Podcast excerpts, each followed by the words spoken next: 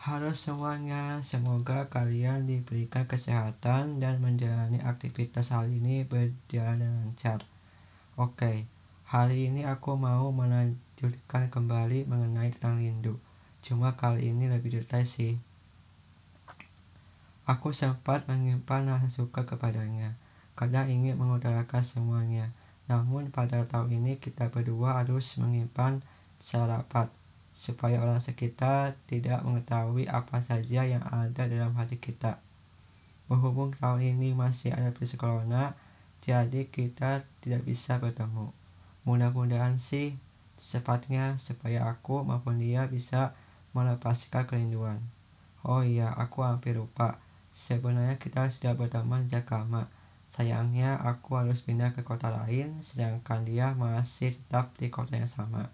Anggap saja aku berada di kota A, sedangkan dia masih di kota B. Berhubung kita berdua jaraknya memakan waktu sekitar 3 jam, itu pun kalau nggak macet. Alhamdulillahnya sekarang bisa komunikasi melalui video call. Malah sempat silaturahmi sama orang tuanya.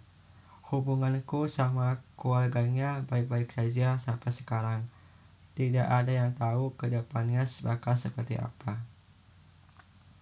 Soalnya kita berdua statusnya masih berteman, belum menjadi pasangan kekasih. Persoalan mengenai hati tak bisa membohongi suatu saat pasti ada timbul rasa suka sama seorang perempuan dekat dengannya.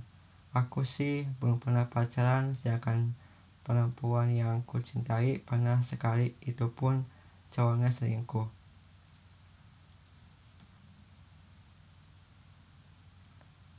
Alhamdulillahnya dia benar-benar kuat sih.